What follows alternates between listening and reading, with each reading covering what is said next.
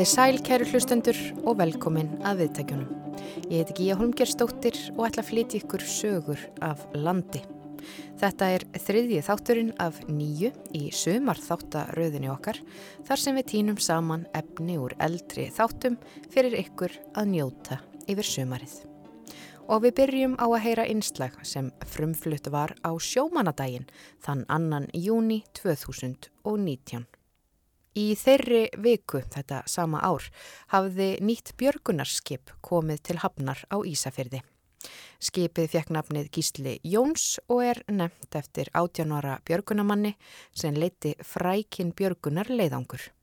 Það var þann 27. janúar 1955 þegar þrjú sjóslis urðu við vestfyrði. Tveir breskir tógarar, Rodrigo og Lorella, fórust með allri áhöfn samtals um 50 manns í foráttu veðri norðaustur af Hortni. Þá strandaði tógarinn Egil Rauði frá Nesköpstað undir grænuhlýð í Ísafjörðadjúpi þar sem hann leitaði vars. Um borði í Agli Rauða voru 34, 19 færiengar og 15 Íslendingar. Mikið björgunar afreg var unnið þegar tókst að bjarga 29 þeirra, 13 á sjó og 16 á landi. Hinn 18 ára Gísli leiti björgunarleiðangurinn á landi þessa örlagaríku nótt. Gísli lést árið 2013. Meðal björgunar manna í leiðangurinnum var einnig Guðmundur Halldórsson. Halla Ólafstóttir hitti Guðmund á heimili hans í Bólungarvík. Ég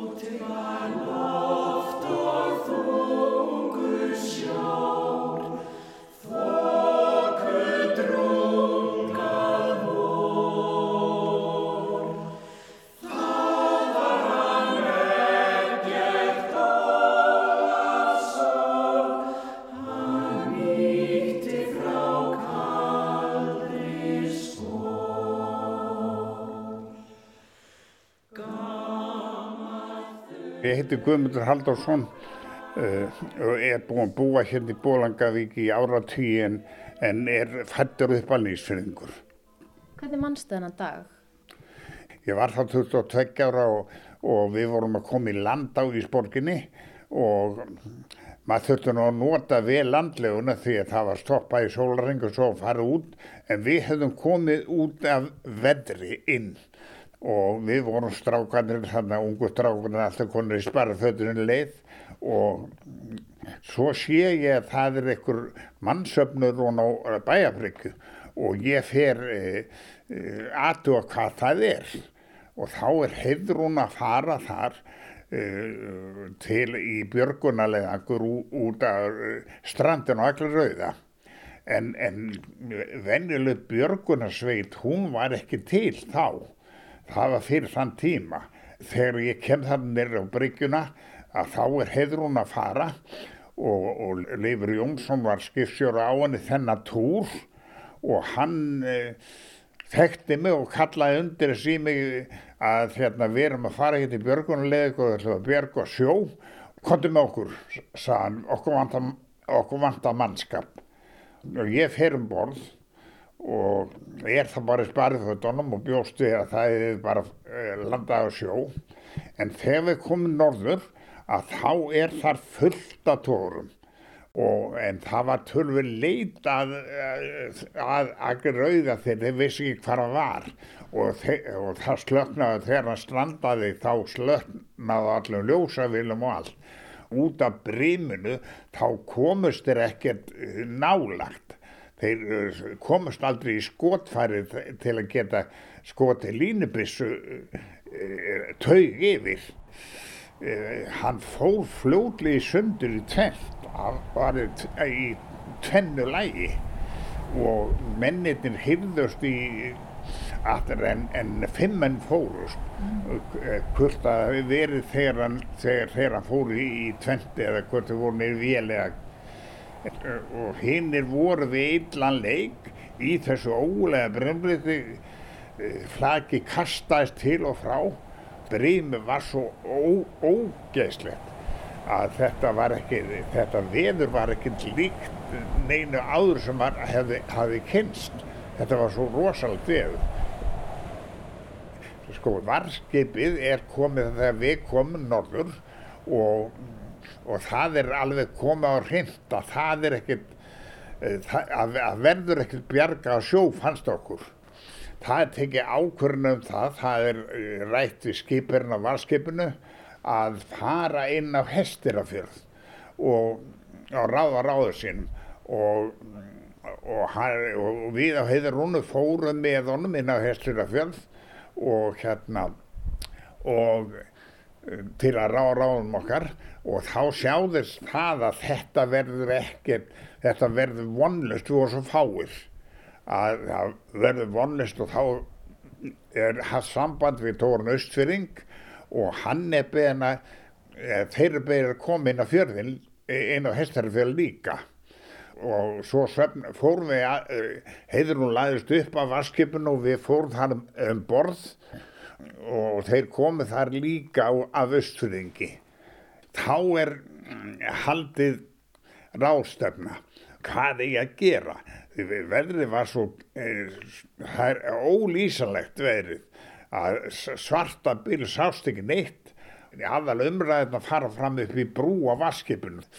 Það er skipsjónin og Guðmundur Guðmundsson og tröstur maður, hann var formaður Sliðsfélagsins og mm, svo eh, þegar þeir eru búin að vera ræða þarna lengri tíma og, og við byggðum þarna á bátadekkinu niður að þá hérna eh, kemur ákurinn að Guðmundur segir það ég, ég send ekki menn í opindöða veðri er svo vond og þetta að fara alla þessa leið að það mun kosta mannslíf. Á landi þá. Á landi og, og, og ég hérna send ekki ég tek ekki ákvörðin að senda menni þetta ég vil býja til morguns segi Guðmundur og, og vita hvort við komumstum ekki í land á, á slettu því það var e, svo mikið nær e, slistanum. En þar var brimið svo mikið og engi von að komast í land. Og þá segi Stinn sem var nú fóringi austfeyðingana og var, fyrstýrum var austfeyðing og mjög tröstur kall og, og segur. Og hann segir hérna, sko við þekktum menninu borð, það voru skildmenn okkar allt. Og við þekktum ekki landið.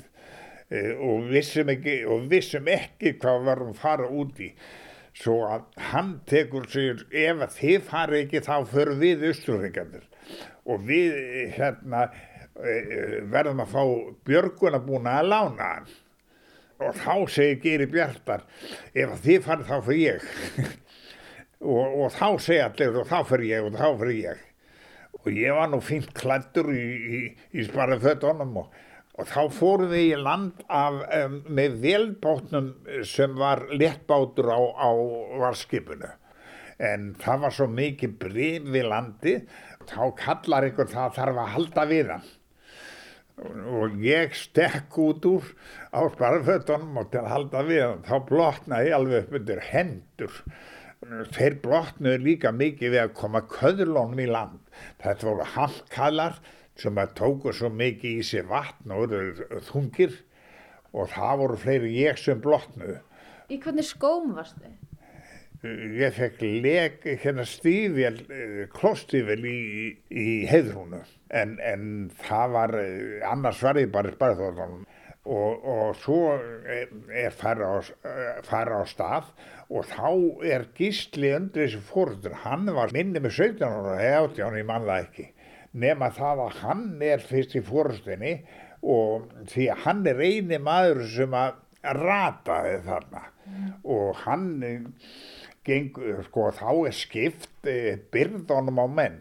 Og byrðunar þær voru rosalega þungar sko tói allt rennandi blöyt en ég er látið bera hérna töskurnar Eh, læknatökkun Súls læknis. Úlfur læknir var það nýkonu á Þískalandi og, og alveg vannbúin í, í, hérna, í svona slark og við gáttum lappað fjörurnar fyrst. Og það var stórgrýta fjörurnar en þar eh, höfðum við leiðsögn og sjónum. trapíturinn það var veðrið og við sáum ekki neitt. Og ég skil ekki sko ég held að ég held að hann hafi haft eh, að Gísli hafi haft eh, líknæf á hund því að, að hann var einstaklega hann rataði en, en, en Úlfur var orðið mjög slarkaður og hann e, vildi leggast fyrir því við vorum búin að vera 60 varða gung og, og mm, það var svo djúbu snjórin við fórum alltaf í nýja og svo eh, gangan var mjög erfið og hann hérna uh, sagði oft við mig eftir að ég vissi vel hvað ég var að gera sann. að hérna ég, ég var læknir og ég vissi vel en ég ætlaði bara að kvíla með augna blík og, og halda svo áfram. En, en þeir lifðum það nú ekkert og þeir gengu undir honum það sem eftir var. Það var nú stutt að sléttu þá. Þá er tekin ákvörðun að ég verði eftir á sléttu til að halda heitu húsinu eða væri að við næðum með ykkur skipnarsmenn að það er heitt húsið. Og ég er eftir og úlfur. Á meðan björgunamennir gengu frá hestir eða sléttu hófst björgun á sjó. Þá var ákveðið að, að fá minni báta eh, sem að kæmur kannski nær. Og það var fengið andvari hann var svona 20 tonn smíðar á Massilísi og, og Pátt Pálsson í, í Nýstal Pátt uh, Pálsson það var svona 30 tonna bátur. Andvari að þeim tekst að skjóta línu en það var voðalega erfitt af því að Kvassur var svo svakalega mikið að lína fauk alltaf en hún tóð samt að koma lína á villi og Íslefur hafa látið rosalega vel af honum í björgunni sjálfur sko, skipstjóran því að hann hérna festi alla í björgunastólinn og gekk frá þeim og, og þeir eru það hætta út af því að mastrið brotnaði. Þannig tókst 13 mönnum að komast í nálæg skip. Og þeir, þeir mennið um borð, þeir voru farin að spekulja að sérna, reyna að komast bara sjálfur í land. Og sem betur þeir gerðu það nú ekki því að það hefur nú verið að fara út í ofinn döðan en þeir voru búin að velkast þarna á halvu skipinu alla nóttina og við íllan aðbúna en e, frá sléttu að skipinu var mikið stittir spölur. Það var heldur aðal gangan var frá hestir mm -hmm. og, og þegar þeir koma þarna kletti eh, tistan held ég að heiti sko þá urður að fara upp í fjall yfir tistuna því að hún náði langt út í sjó. Og þeir fóru upp í fjalli og með drasli allt sko. Og þá sendu þeir tvo menn af fjallinu til að aðtúa hvort að skipi væri bara að nefnda og svo komu þeir tilbaka og, og litur vita skipi væri en þá strandað sko og þá renduðu sér niður fjalli sko niður að testunni og það gekk ágæðlega og með allt tóið og allt sko.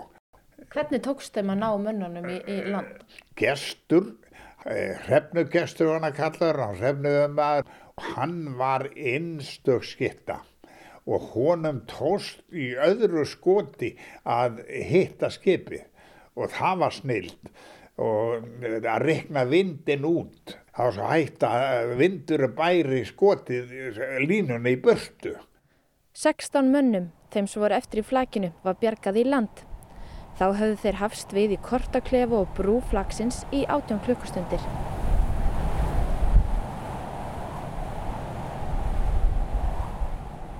Hefði, hefði verið aðfall e, þegar komið tilbaka eins og var þegar fóru þá e, er tvísynd að þeir hefðu lifað það af sko þeir hefðu aldrei haft krafta til að fara upp á tistuna og en, en þá er bara fjara og þeir komast fyrir framann tistuna geta vaðið sjóum fyrir framann ég man með sko til tveimur sem voru einhvern skóm bundu buksurna með snæði fram við tannar til að vera ekki berfættir og einn af okkur björgunamönnum hann þeir eru nú að stedja hann síðast heim sko.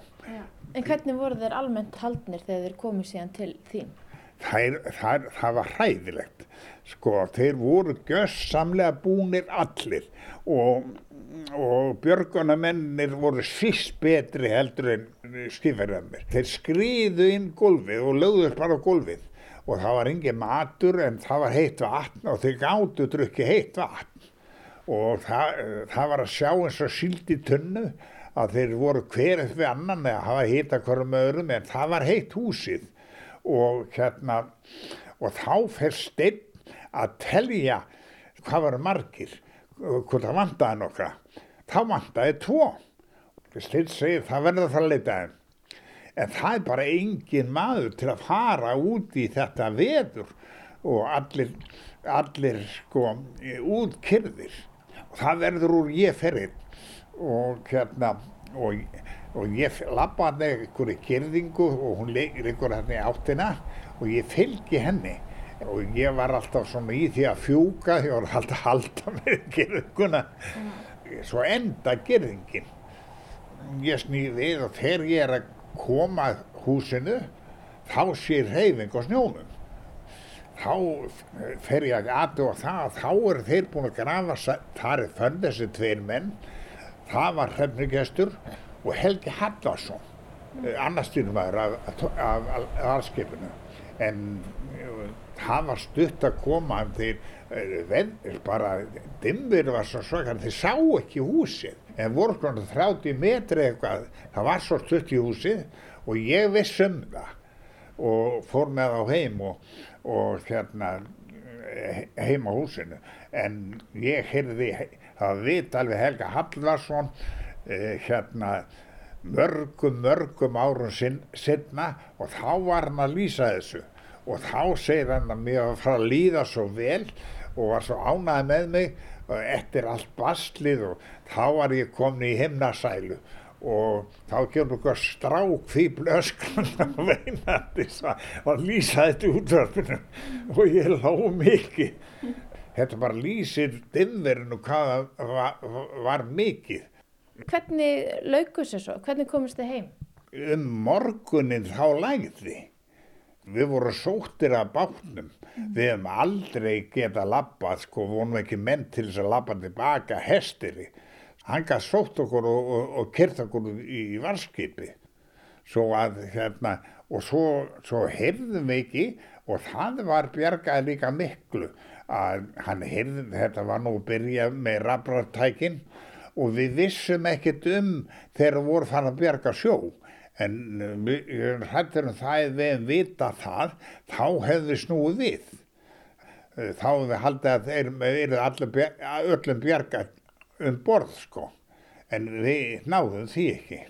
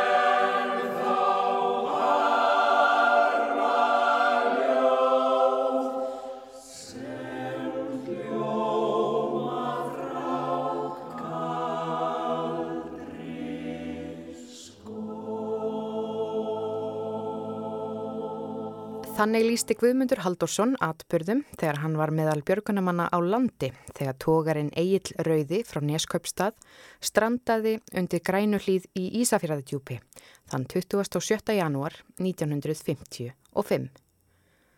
Tónlistin sem þarna hljómaði var nýleg hljóðritun á læginu Þrútið var loft í flutningi Kammerkors Suðurlands. Lag við sama ljóð hljómaði einnig þann 7. júni 1938 þegar fyrsti sjómanadagurinn var haldinn hátilegur í Reykjavík. Lægið var þá flutt af söngflokki sjómanna að lokinni þagnar stund þar sem viðstatir myndust druknaðra sjómanna. Ljóðið er erfiljóð um Eggert Ólafsson, skáld, rithöfund og náttúrufræðing úr svefn eigum á breyðaferði. Hann druknaði á breyðaferði 30. mæ 1768 á samt konu sinni Yngibjörgu Haldósdóttur þegar þau voru að leið heim úr vetursetu í Söðlögstall. Það var Mattias Jokkumsson sem orti ljóðið 100 árum síðar. En eh, síðan fyrsti sjómanadagurinn var haldinn hátilegur, breytist hann fljótt um allt land. Hátíðarhöldin voru oftast með svipum hætti á hverjum stað. Skipin voru skreitt, fólk gekk prúðbúið í skrúðgöngum, lúðrasveitir spiluðu þekkt sjómanalög, verðingamenn fluttu ræður, druknara sjómana var minnst og heiðrað var fyrir björgunarafreg. Víða var keft í kappróðuri, reypitógi, stakkasundi, björgunarsundi og öðrum íþróttum sem þóttu minna á sjómennsku og hreisti. Og um kvöldið voru síðan haldinn böll að sjómana sið. En uh, yfir í annað. Frá veröld sjómana rifjum við upp viðtal sem tekið var í miðju kófinu og fjallar um bók sem þá hafði nýlega komið út. Personulega sögu konu af afliðingum kulnunar. Það var áhugavert að taka þetta viðtal á þessum tíma í kófinu þegar hægst hafði á öllu í samfélaginu.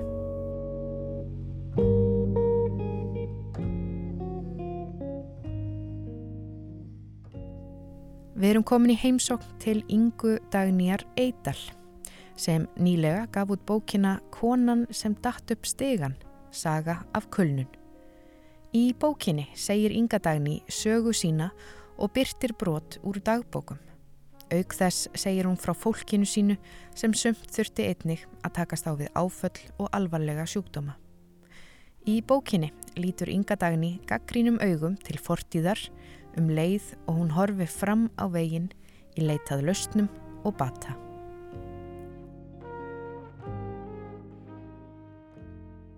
Datt upp stígan eða lýsir því hvernig ég var orðin skömmu áður en ég sagt hrundi, örmagnaðist eða hvað sem maður vill kalla það að þá var hún svo hröð og þá var hún svo mikill flumburgangur að ég var sífælt að slasa mig. Ég var sífælt að detta, rasa, e, fá heilarhisting, e, skafa af mér húðina bara að því að ég, sagt, hugurinn var miklu hraðari heldur en líka minn náði að fylgja eftir. Þannig að ég til dæmis, ég þurfti að fara að hlaupa niður nokkrar hæðir til þess að ná mér í kaffi í vinnunni, vinnustæður á daldi mörgum hæðum. Og þegar ég var að hlaupa tilbaka, ég var svo óbúslega mikið að flýta mér. Og þetta var allt svo svo mikilvægt og, og hérna öllu þurft að bjerga þannig að fá sér kaffi og hlaupa upp stigan þá tóks mér nokkru sinnum að detta með kaffibotlan flækja mig í, í tröppunum og einu sinni mér sé að sko skalla vekkin á móti á stigapallinum og fá kúl á hausin þannig að þetta var svona, já, þetta er svona kannski bara orðið við það hvað mér fannst ég þurfa að vera hröð og hvað mér fannst veröldin vera hæg og allir aðrir er opuslega hægir og treyir einhvern veginn. Og þetta er þessar sem að ég náttúrulega bara lasum löngu síðar að þetta er þessar algengur svona skinn villur ímest það að fólki, fólk fer að upplifa sig opuslega hægt eða mjög hratt. Og það var þannig í mínu tilfelli. Ég, kannski, ég hef kannski alltaf verið svolítið hröð hröði hugsun, hröði hreyfingum. En þarna semst, tók steinin úr. Og þetta skinnja maður ekki sjálfur af því að auðvitað er manns eigin raunveruleiki alltaf raunveruleikinn En hvenar áttaður þig á að það væri eitthvað að? Ég í raun uh, átta mig ekki fyrir en eftir á. Uh, vegna þess að eftir á séð voru í mig svona eh, smá atvik sem að áttu eiginlega að segja mér að eitthvað væri að. Mér var að fara að líða mjög illa í vinnu, uh, mér fannst erfitt að fara heim, ég var alltaf hrætt um, þetta er sólarhingstarfsemi, ég var svo hrætt um að eitthvað gerðist og ég var ekki á staðnum og var ekki hægt að ná í mig. Og einhverjum svona mjög uh, órökréttar tilfinningar. Svo, já, einhvern veginn bara fannst mér allt verða að vera fullkomið sem ég gerði. Og ég var orðið þannig sko ef, að, ef fólk kvartaði undan vinnuálagi að þá varð ég bara fúl. Svo bara já, hvað með mig ég er nú bara að vakta allan sólarhingi þú veist, ég, ég hafði ekki þól eða skilning á annara líðan. Og alls ekki minni heldur. Ég bara einhvern veginn þeitti stjórnlust áfram. Og svo kom að því að, að eins og mér skilst líka eftir á að, að mjög oft gerist að eitt lítið atvögg verður til þess að, að það reynur allt. Já, hvaða litla atvik var það í þínu tilviki? Í mínu tilviki var það bara samskipti á vinnustad sem að fóru ekki eins og ég vildi að þau færu vegna þess að ég hafði ekki lengur stjórnina. Ég bara, já, ég sagt, misti mig og misti svona skap þessar ofurstjórn sem að ég hafði af sjálfur mér misti þá, það var ekki stórkostlegt eða alvarlegt eða neitt slíkt. En þar með bara lag allt úr handanum á mér. Þú varst að vinna sem hjógrunufræðingur. Já. Það er svona álagstarf. Já, já. Uh, ég reyndar sko var stjórnandi á, á mínu vinnustaf eða yfir maður og þá kemur þetta álag sko að að bera ábyrgagvart eh, skjórnstæðingunum, sjúklingunum starfsmönnunum og yfirmönnunum og yfir stjórn og, og passa alla peningana og allt það og þetta voru breytingatímar og mikið álag, vissulega. En ég einhvern veginn, ég var svo vissum að ég fær létt með þetta. Ég hef nú gert eitthvað meira um æfina heldur bara, já, veist, ég bara gæti þetta alveg.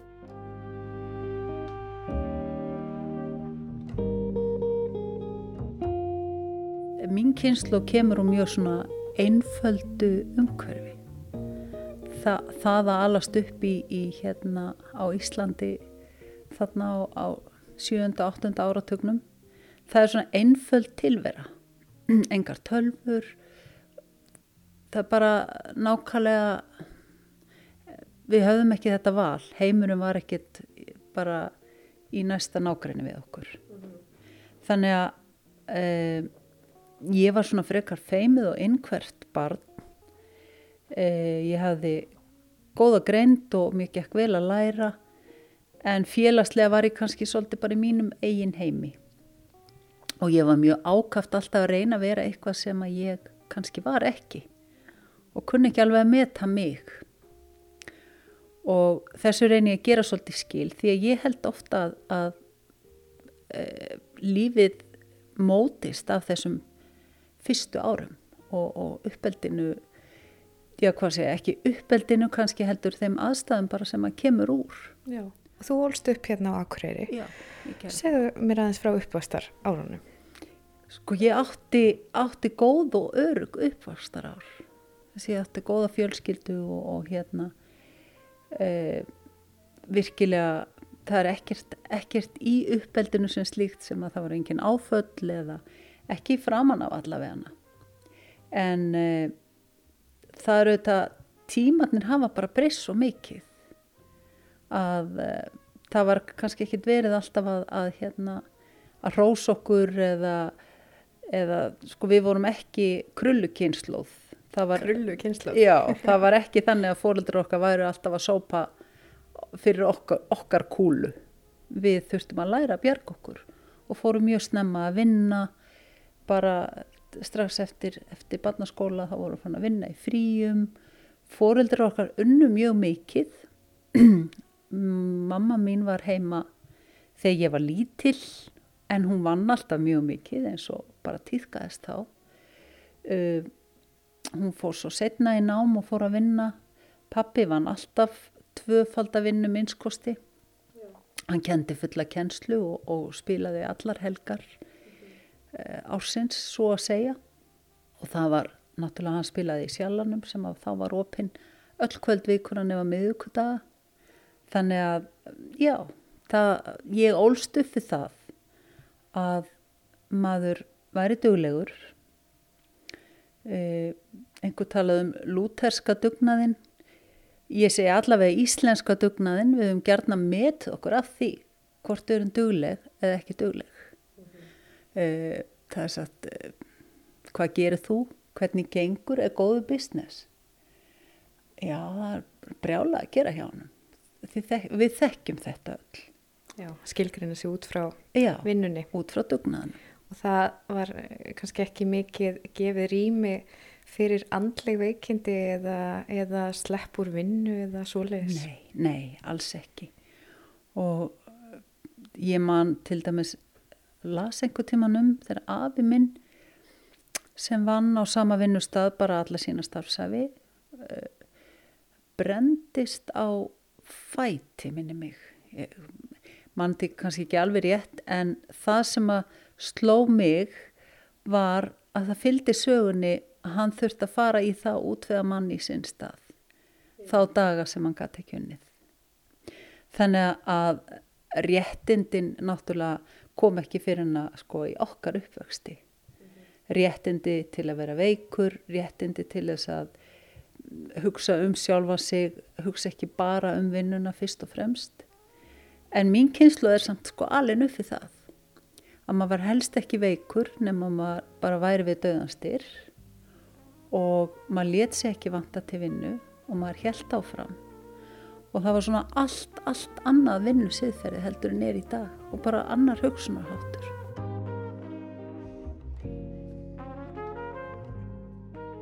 Þegar ég var sem veikust eftir að ég hrundi þarna að þá tók við náttúrulega daldi langt tímabila bara þar sem ég var ráðvilt og örfandingafull og vissi ekkert hvað var að gerast. En ég skrifaði alltaf dagbók svona um það hvernig mér liði og svo tók ég þessa dagbóku upp síðar og fór að svona púsla saman brotum og velta rosalega mikið fyrir mér af hverju þetta hefði gerst. Af hverju það gerist hjá mér, af hverju það gerist hjá svona mörgum í dag. Eh, ég fór að hugsa um kynnslóðina á eftir okkur, sem sagt börnin okkar og ég hugsaði mikið um konur í þessu samhengi en þess að þær eru náttúrulega fleiri og þær vinna öðruvísi störf, þær vinna mest í þessum umununar geirum við erum ennþá daldi mikið að, að hérna, taka barna uppeldi og annað á okkur. Þannig að einhvern veginn urðu konur mér mjög hugleiknar í þessum pælingum. Og ég fór að hugsa um í dag er það þannig ennþá að ungar konur er í vandræði með eignarspötn og alaðu upp og uh, sagt, vinna í sínum starfsferðli og sinni mentun. En þess að þjóðfélagir er, er bara ekki ennþá búið að viðkenna þetta.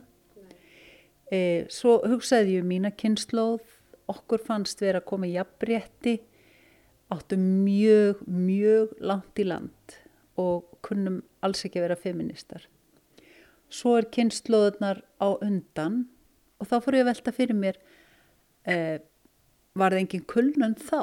Ekki, fór ekki fólki örmögnum hvaðum formaður okkar sem voru með fullt húsa börnum oft fátækt og, og allskynns aðstæður? Hvernig stóðu þær af sér? Og, og voru þær bara alltaf duglegar? Og þetta var það ekki þannig. Það braut á þeim alveg eins og okkur og þær tókust á við þá sinnhátt en það náttúrulega bara var ekki til neitt sem hétt kulnun eða örmögnun. En það var ímislegt til sem hétt e, tögaveiklun eða hystería eða, eða þú veist sem að konur urðu fyrir frekar en kallmenn mm -hmm. svo segi líka frá af og ömmu hérna og pappa og kannski e, dreg það álegtun að þetta fólk hafi verið haldið kvíða og streitu það var bara ekki til sem hugtak. Þannig að hérna afi minn til dæmis var kvíðasjúklingur en að vera kallmaður á þessum tíma með einhverja kvíðagreiningu það náttúrulega bara var ekkit í bóði þannig að það var aldrei rætt. Og eins eh, pappi sem vann alltaf sko, kallaði vinnu algi og opbúslega duglur og saði aldrei nei að hann alltaf uppskrift af örmögnun. Og ég held að maður getur uh, klára sig andlega og kert á vegg og, og, og hérna, orði mjög lasinn og langvarandi lasinn. Maður getur líka vext það er hjarta áföll uh, ónæmiskerfi bílar. Það er svo margt sem að heilin hérna notar til þess að sko bjarga sér og bjarga einstaklingnum. E, Alveg eins og þú varst að tala um í byrjun þegar þú varst að segja að þú varst alltaf að detta og meiða þig.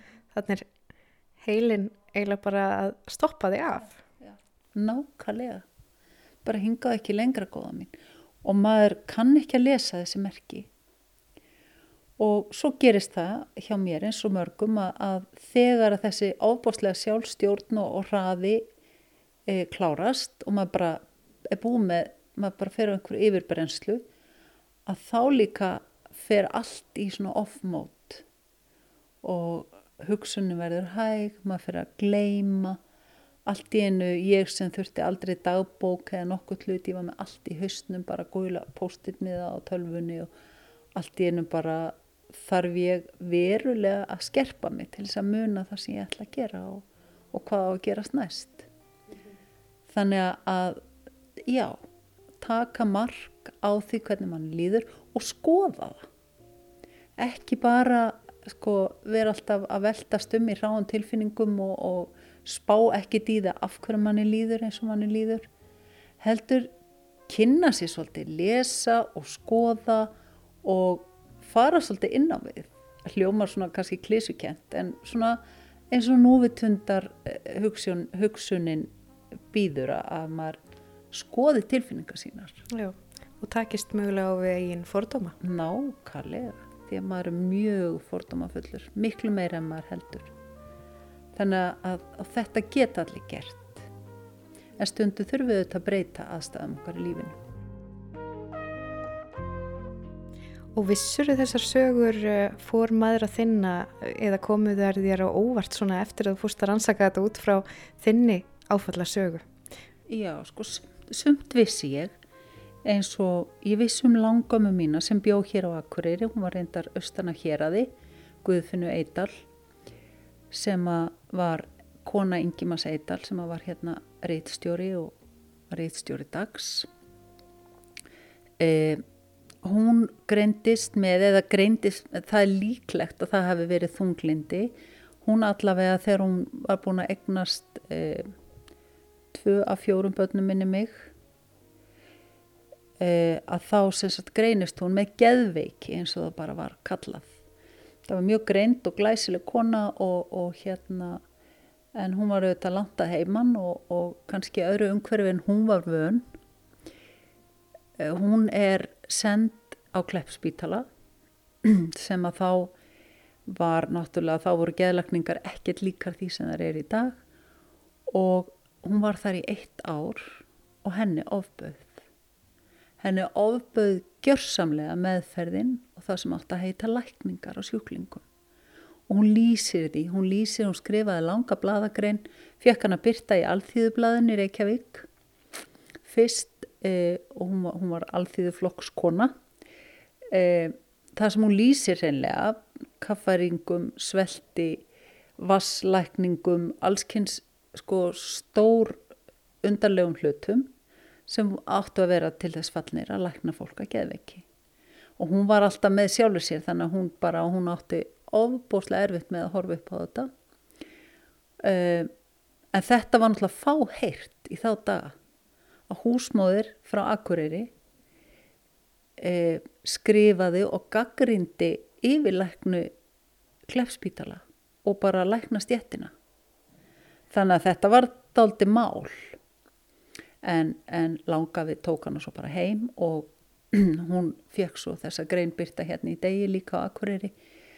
Hann var sérsagt ekkit, ekkit mjög ánaði með þetta allt saman en, en stóð með sinni konu og hún fór svo til Danmarkur og, og fekk lækningu á sínum, sínum kvilla. Þetta er svona stóri drættir í hennarsögu og, og við, að ég allavega er mjög stolt af þessari konu. Því hún vakti aðtikli og hún uh, kannski ítti af stað því að, að það var að fara að skoða þessa hluti. Allavega átti stóna þátt í því. Það má eiginlega sama segja með þína bók mögulega að, að það sé hérna, verðt að, að tala um þessa hluti og lýsa reynslu af kulnun út af því að þetta er eins og já, það er nú einn faraldur í gangi núna en, en þetta hefur líka verið sagt vera faraldur. Það er þessi kulnuna faraldur hafa margir haft samband við því sem að þekka sig í sögunni þinni? Mjög, mjög margir. Og jáfnvel núna þá fæ ég tölvupósta og skrif. Það sem einmitt, eh, einmitt þá finnst mér svo skýrt að þetta er faraldur.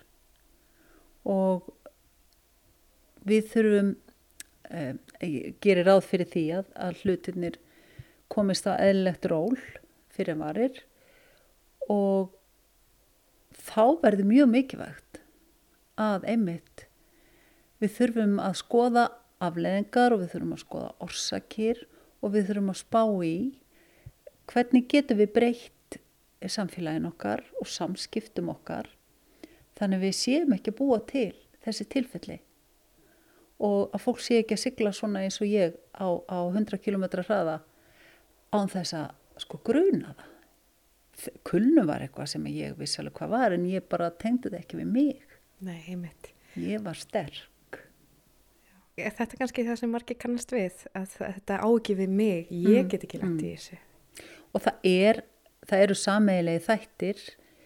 Ég fór nút í það að lesa fullt, fullt rannsóknum og skoða og, og, og kynna mér að það eru mjög sameigilegi þættir með mörgum að fólk sem hefur verið í almannaþjónustu sem hefur verið í ummönnun uh, þetta eru oft sko duglega og samvinskusömmu típurnar sem að, og, og ég held eins og ég mér það er svona ákveðin fullkomnar árátta að, að kemist nú ekki upp um það, ég væri kannski ekki alveg stugleg og, og ég held ég væri eða aðri held ég væri og, og alltaf á tánum að klikka aldrei og það er auðvitað mjög vond ef við missum allt þetta fólk úr vinnu.